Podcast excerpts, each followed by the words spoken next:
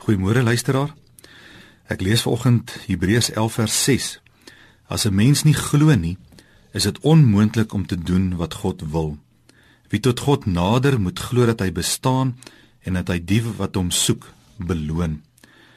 In die boek Hebreërs kry mens hierdie baie interessante gedeelte oor wat geloof is.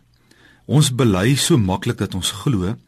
Ek sal maklik sê dat ek in God glo of dat ek glo dat Jesus aan die kruis gesterf het vir my sonde of dat ek glo dat ek eendag hemel toe sal gaan.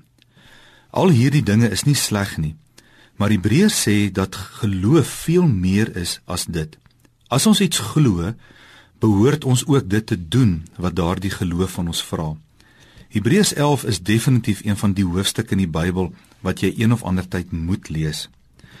Ons lees dat daar geskryf staan omdat Abel geglo het, het hy en omdat Henog geglo het, het hy Omdat Noag geglo het, het hy en omdat Abraham geglo het, het hy.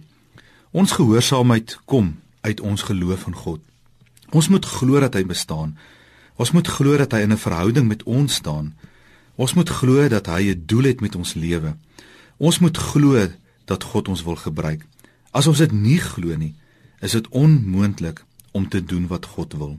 God beloon ook gehoorsaamheid, lees ons in hierdie gedeelte. Want hier staan geskrywe: Wie tot God nader, moet glo dat hy bestaan en dat hy die wat hom soek ook beloon. God beloon gehoorsaamheid. Met ander woorde, daar sal altyd 'n resultaat wees van ons gehoorsaamheid of selfs ons ongehoorsaamheid aan hom. As ons gehoorsaam is, sal God sy doel met ons volkome bereik en sal ons deel in die vreugde en beloning daarvan. Ons sal dus daardeur geestelik groei en sien hoe God aan aan die werk is en hoe groot dinge hy graag ook deur ons wil doen. Ons sal dan ook kan getuig van die wonderwerke wat God doen. As ons nie doen wat hy vra nie, sal ons uitmis op wat God wou doen en sal ons geestelik doodgaan. Glo jy, luisteraar, dat God bestaan? Glo jy dat hy 'n doel het met jou lewe?